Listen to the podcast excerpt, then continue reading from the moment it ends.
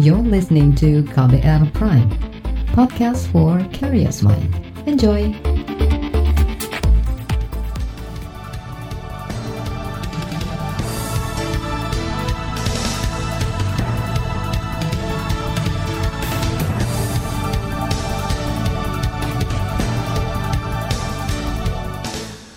Selamat pagi saudara, senang sekali kami bisa menjumpai Anda kembali melalui program Buletin Pagi untuk edisi awal pekan Senin 13 Juli 2020 bersama saya Agus Lukman. Kami telah menyiapkan sejumlah informasi terkini di antaranya kasus positif COVID-19 terus meningkat dan kinerja gugus tugas dipertanyakan. Komisi Pemberantasan Korupsi KPK meminta agar program Kartu Prakerja diperbaiki. Gubernur DKI Jakarta mengklarifikasi soal kebijakan reklamasi Ancol. Inilah buletin pagi selengkapnya. Terbaru di buletin pagi. Presiden Joko Widodo mengingatkan semua pihak agar waspada dengan tingginya lonjakan kasus positif COVID-19 dalam sepekan terakhir. Kasus tambahan positif virus corona menembus angka 2.600 dalam satu hari. Presiden Jokowi menginstruksikan semua pejabat agar bekerja keras mengendalikan lonjakan kasus COVID-19. Instruksi terutama ditujukan pada gugus tugas percepatan penanganan COVID-19. Kalau angka yang masih kecil ini tidak dikendalikan dengan baik, manajemen krisis tidak dilakukan dengan tegas, rakyat tidak diajak semuanya menyelesaikan ini, hati-hati angka bisa bertambah banyak. Ini jangan dianggap enteng. Instruksi itu disampaikan Presiden Joko Widodo pada akhir pekan lalu. Ia juga meminta agar pemerintah provinsi maupun kabupaten kota selalu siap mengendalikan lonjakan kasus di daerah masing-masing. Pekan lalu, saudara, terjadi lonjakan kasus positif COVID-19 di Indonesia. Tambahan kasus positif terbesar di Sumbang Sekolah Calon Perwira atau Secapa TNI Angkatan Darat di Bandung, Jawa Barat, yang kini menjadi klaster baru kasus COVID-19.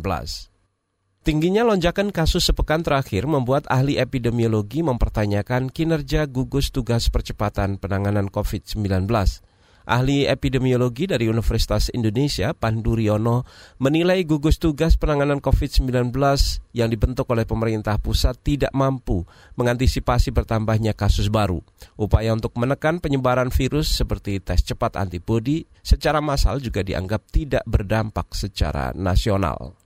Jadi banyak kegiatan-kegiatan yang sebenarnya tidak berusaha menekan penularan kasus. Nah ini yang menjadi penting. Surveillance kan bukan di gugus tugas, surveillance kan di dinas kesehatan, Kemenkes. Ini yang menjadi penting. Jadi peran Kemenkes, terutama Direktorat Jenderal P2P menjadi penting. Karena mereka yang sebenarnya sudah terlatih untuk menangani outbreak, menangani testing, surveillance, dan isolasi itu mereka, pekerjaan mereka sehari-hari kalau menangani masalah wabah itu. Tapi perannya nggak banyak. Ahli epidemiologi dari Universitas Indonesia Panduriono menyarankan agar tugas pengendalian COVID-19 dikembalikan ke Kementerian Kesehatan, terlepas siapa yang menjabat sebagai menterinya. Tanpa adanya perubahan strategi, maka Panduriono khawatir akan terus terjadi penambahan kasus di Indonesia. Sementara itu, saudara gugus tugas percepatan penanganan COVID-19 di Indonesia meminta agar setiap pemerintah daerah mengawasi ketat pelaksanaan disiplin penerapan protokol kesehatan untuk menekan lonjakan kasus virus corona. Ketua gugus tugas percepatan penanganan COVID-19 Doni Monardo menyebut pentingnya penerapan manajemen krisis oleh pemerintah di daerah. Begitu ada kasus melonjak, otomatis diketatkan, ya, dibatasi kembali. Nah, supaya kenapa harus seperti itu? Karena di banyak tempat juga tidak semua daerah itu memiliki variasi yang sama. Ada tingkat risikonya tinggi, ada yang rendah. Yang rendah ya mungkin disampaikan untuk tetap waspada, hati-hati, kegiatan tetap berjalan. Yang penting adalah bagaimana masyarakat supaya patuh kepada protokol kesehatan ya. Saat menanggapi tingginya penambahan kasus positif di Indonesia, Ketua Gugus Tugas Percepatan Penanganan COVID-19 Doni Monardo mengatakan karantina wilayah masih diutamakan untuk mengantisipasi lonjakan kasus maupun meluasnya sejumlah klaster baru di Indonesia. Di sisi lain, saudara pengurus besar Ikatan Dokter Indonesia IDI meminta evaluasi dan masukan secara menyeluruh dari berbagai pihak untuk menangani pandemi COVID-19. Evaluasi diperlukan untuk menekan jumlah penularan di dalam negeri. Juru bicara Satuan Tugas COVID-19 di Ikatan Dokter Indonesia IDI, Erlina Burhan mengatakan penanganan pandemi COVID-19 tidak bisa dilakukan oleh satu sektor saja, termasuk ini harus melibatkan masyarakat dalam menangani COVID-19 gugus tugas itu kan dibuat khusus untuk membantu percepatan penanggulangan ya dan saya kira untuk uh, upaya upaya COVID ini tidak bisa hanya satu sektor saja tapi melibatkan harus banyak sektor. Baik di pemerintahan pusat pemerintahan daerah maupun justru di masyarakat juga. Karena peran serta masyarakat peran aktif dari masyarakat itu sangat membantu. Jadi eh, tidak bisa ini hanya diserahkan pada satu sektor saja, tapi memang harus eh, bersama-sama berbagai lapisan dan itu eh, dilakukan komprehensif dan masif. Juru bicara Satuan Tugas COVID-19 di Ikatan Dokter Indonesia, Erlina Burhan, mengklaim PBID rutin memberikan koreksi, saran maupun masukan kepada gugus tugas dalam percepatan penanganan COVID-19. Apalagi menurut Erlina, tidak semua daerah memiliki masalah yang serupa dalam menangani COVID-19. Saudara pimpinan TNI Angkatan Darat meminta agar sekolah calon perwira TNI di Bandung disterilkan. Informasi selengkapnya kami hadirkan usai jeda. Berikut tetaplah di Buletin Pagi KBR. You're listening to KBR Pride, podcast for curious mind. Enjoy!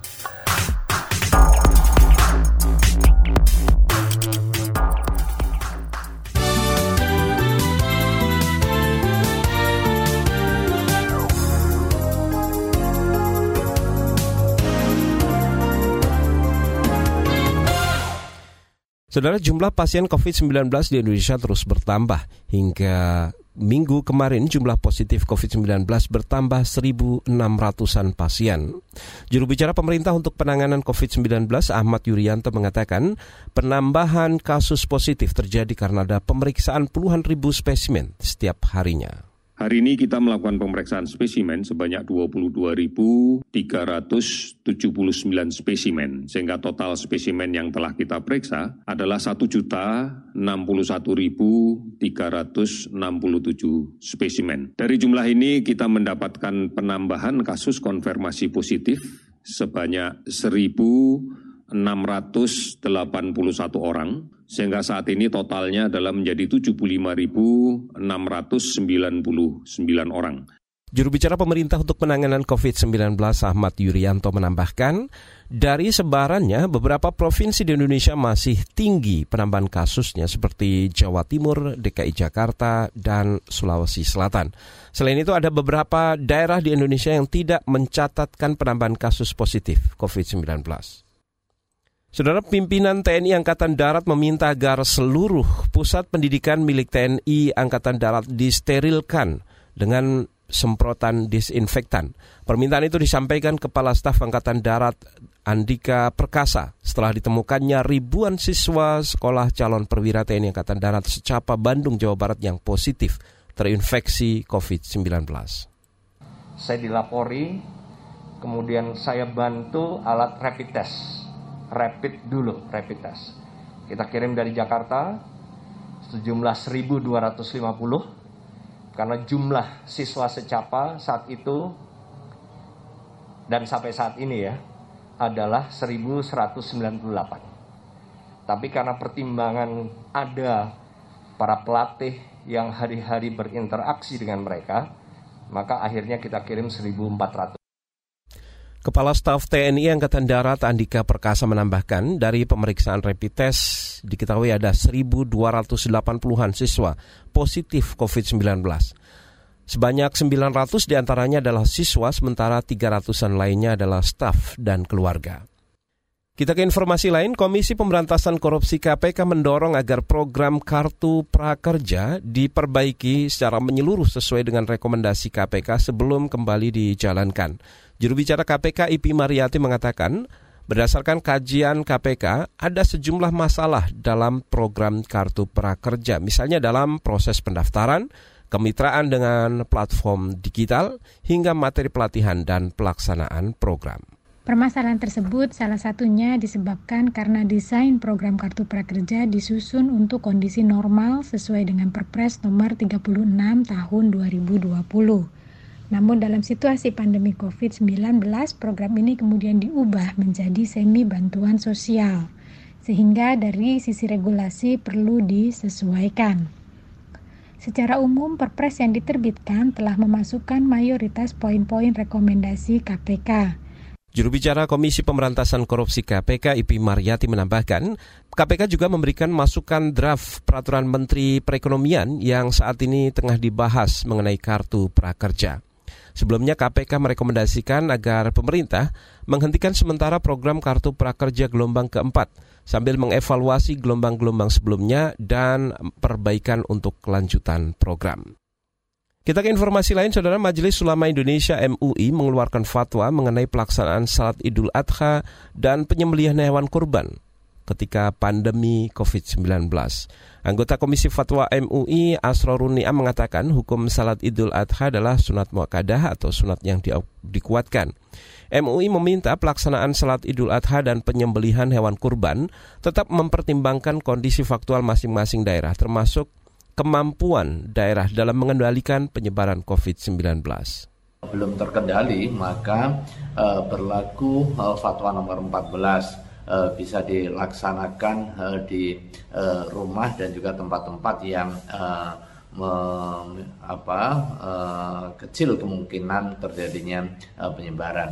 Tetapi di dalam kondisi kawasan yang sudah terkendali, eh, umat Islam bisa melaksanakan salat Idul Adha eh, secara berjamaah di masjid, kemudian di eh, tanah lapang, di Anggota Komisi Fatwa MUI Asrorunia menambahkan, fatwa penyembelian hewan korban juga harus disesuaikan dengan protokol COVID-19.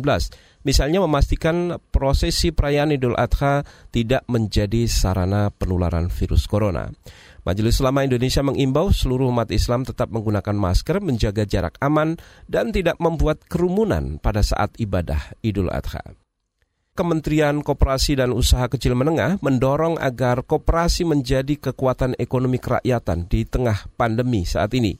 Saat peringatan Hari Koperasi Nasional ke-73, Menteri Koperasi dan Usaha Kecil Menengah, Teten Masduki, mengharapkan agar koperasi ini bisa masuk ke banyak sektor unggulan seperti pangan, industri, hingga maritim, bahkan ekonomi kreatif yang kebanyakan diisi anak muda. Hadirin yang berbahagia, kita berharap agar koperasi di Indonesia mampu menjawab tantangan zaman dan bersaing dengan pelaku ekonomi lainnya. Mari kita kobarkan semangat dengan menjanjikan koperasi sebagai kekuatan ekonomi rakyat dalam pemulihan ekonomi nasional. Menteri Koperasi dan Usaha Kecil Menengah Teten Masduki mengakui sektor koperasi dan usaha kecil terimbas sangat berat pada saat pandemi pandemi COVID-19, mulai dari dari bagian produksi, pemasaran hingga pembiayaan. Teten mengatakan tantangan koperasi ke depan bukan hanya mengubah cara berbisnis dengan memakai teknologi digital dan inovasi produk, tapi juga harus menciptakan visi baru di tengah perubahan ekonomi sosial di masa sekarang. Pemerintah saat ini mengalokasikan anggaran sebesar 123 triliun rupiah untuk pemulihan sektor koperasi dan usaha mikro kecil menengah yang terdampak pandemi. Kita ke mancanegara, saudara sekitar 8.000 tahanan akan dibebaskan dari penjara California, Amerika Serikat dengan tujuan untuk menekan penyebaran virus corona. Narapidana yang memenuhi sejumlah syarat akan mulai dibebaskan pada Agustus mendatang. Sebelumnya negara bagian California juga sudah membebaskan 10.000 narapidana di awal masa pandemi. Setelah mereka dibebaskan, para tahanan ini akan menjalani tes virus corona untuk mengetahui kemungkinan mereka terinfeksi. Apalagi California menjadi salah satu negara bagian di Amerika yang mencatat kasus dan kematian tertinggi karena corona di Amerika Serikat. Laporan khas KBR mengenai pro kontra program lumbung pangan era Jokowi akan kami hadirkan usai jeda. Tetaplah di Buletin Pagi KBR. You're listening to KBR Pride, podcast for curious mind. Enjoy!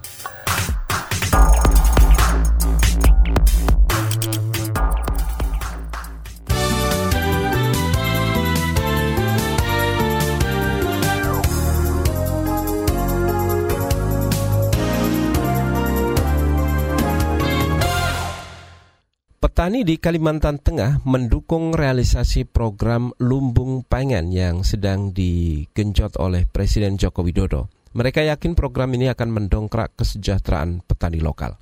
Namun, aktivis lingkungan mewanti-wanti dampaknya ke ekosistem gambut. Simak laporan tim KBR yang dibacakan Astri Yuwanasari.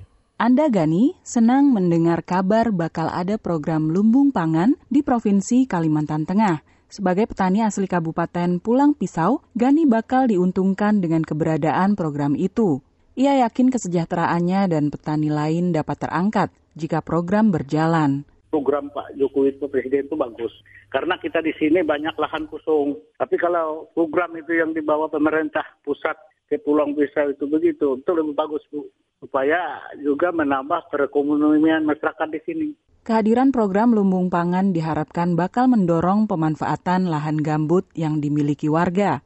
Selama ini, menurut Gani, banyak lahan menganggur sehingga malah rentan terjadi kebakaran hutan dan lahan. Kalau masyarakat di sini kalau dibiarin begini, ya begini aja terus bu. Tiap tahun pada kemarau kebakaran. Karena kebanyakan lahan masyarakat itu terlantar, gak dirawat. Nah jadi selak semak belukar aja. Nah kalau program pemerintah itu masuk, itu bagus akhirnya lahan-lahan masyarakat yang tidur enggak terulah itu kan akhirnya diulah dibantu oleh pemerintah.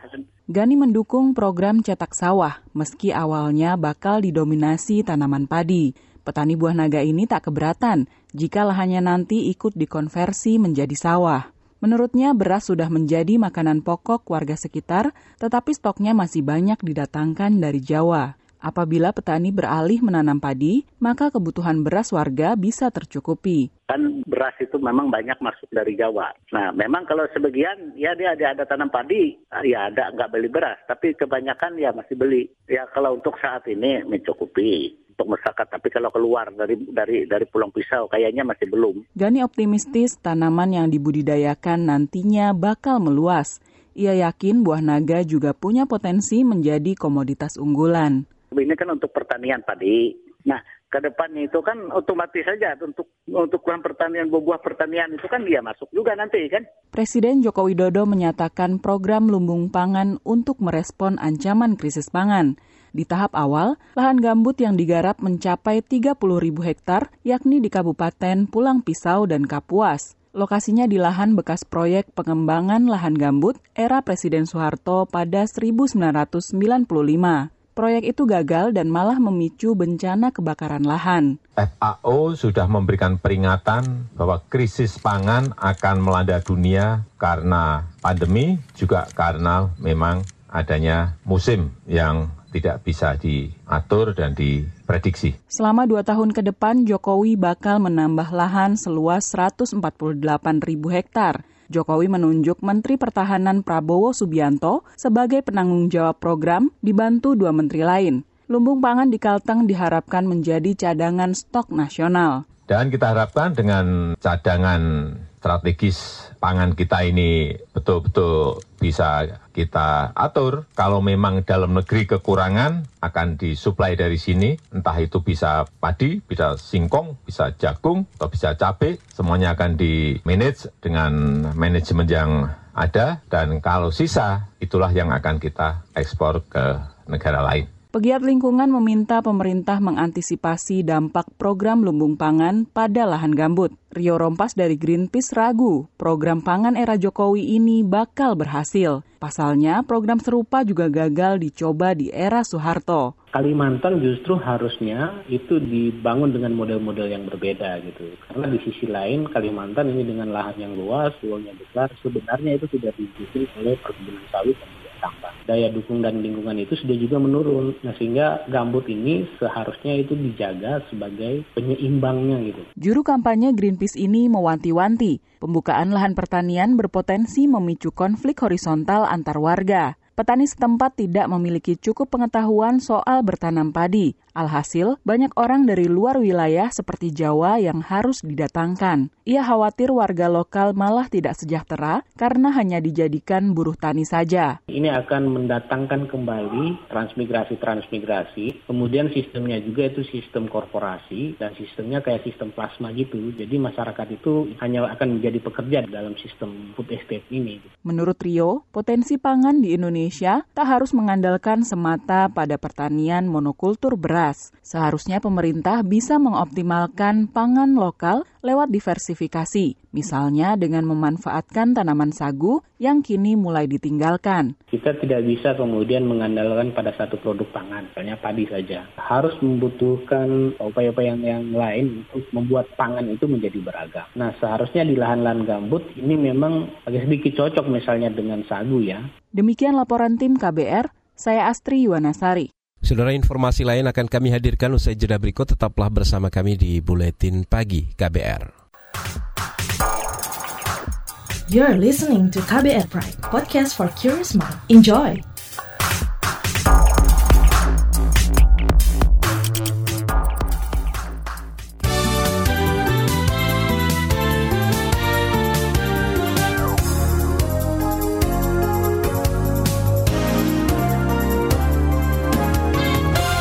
Kita berada di bagian akhir buletin pagi KBR kita ke Jakarta. Saudara pemerintah Provinsi DKI Jakarta mengklaim izin proyek reklamasi di kawasan Ancol berbeda dengan reklamasi 17 pulau di Teluk Jakarta yang digagas era pemerintahan Gubernur Basuki Cahayapurnama.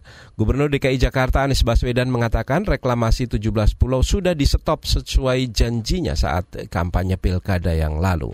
Duk sungai itu dikeruk dikeruk terus-menerus dan lumpur hasil kerukan itu dikemanakan? Lumpur itu kemudian ditaruh di kawasan Ancol.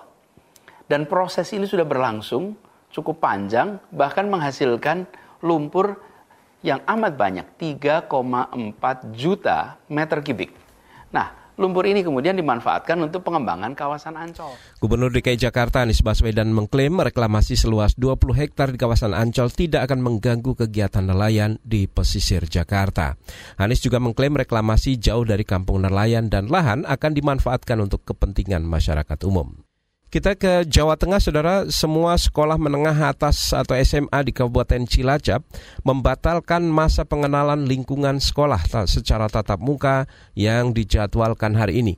Wakil Kepala Sekolah Bidang Kurikulum SMA Negeri 1 Kedung Reja Cilacap, Budi Prabowo mengatakan pembatalan itu dilakukan setelah ada surat edaran larangan kegiatan belajar mengajar secara tatap muka oleh Dinas Pendidikan Provinsi Jawa Tengah itu kan hasil dari anu apa uh, web kitkom dari kementerian itu sebenarnya sekolah itu boleh memilih tiga itu tapi mungkin karena itu kan berlaku di lokal mungkin ya akhirnya kemudian yang Sabang Dinas konsultasikan ke gugus COVID masing-masing kabupaten. Wakil Kepala Sekolah Bidang Kurikulum di SMA Negeri 1 Kedung Reja Cilacap, Budi Prabowo menambahkan, karena dibatalkan maka semua materi akan diberikan secara virtual atau secara daring. Sementara juru bicara percepatan penanganan COVID-19 di Cilacap, Wijaya, mengatakan gugus tugas tidak mengizinkan acara tatap muka di sekolah dalam bentuk apa pun untuk mengantisipasi kemungkinan penyebaran COVID-19. Informasi tadi saudara menutup jumpa kita di Buletin Pagi hari ini. Pantau terus informasi terkini melalui kabar baru, melalui situs kbr.id, akun Twitter at serta podcast melalui kbrprime.id. Akhirnya saya Agus Lukman, kami undur diri. Salam.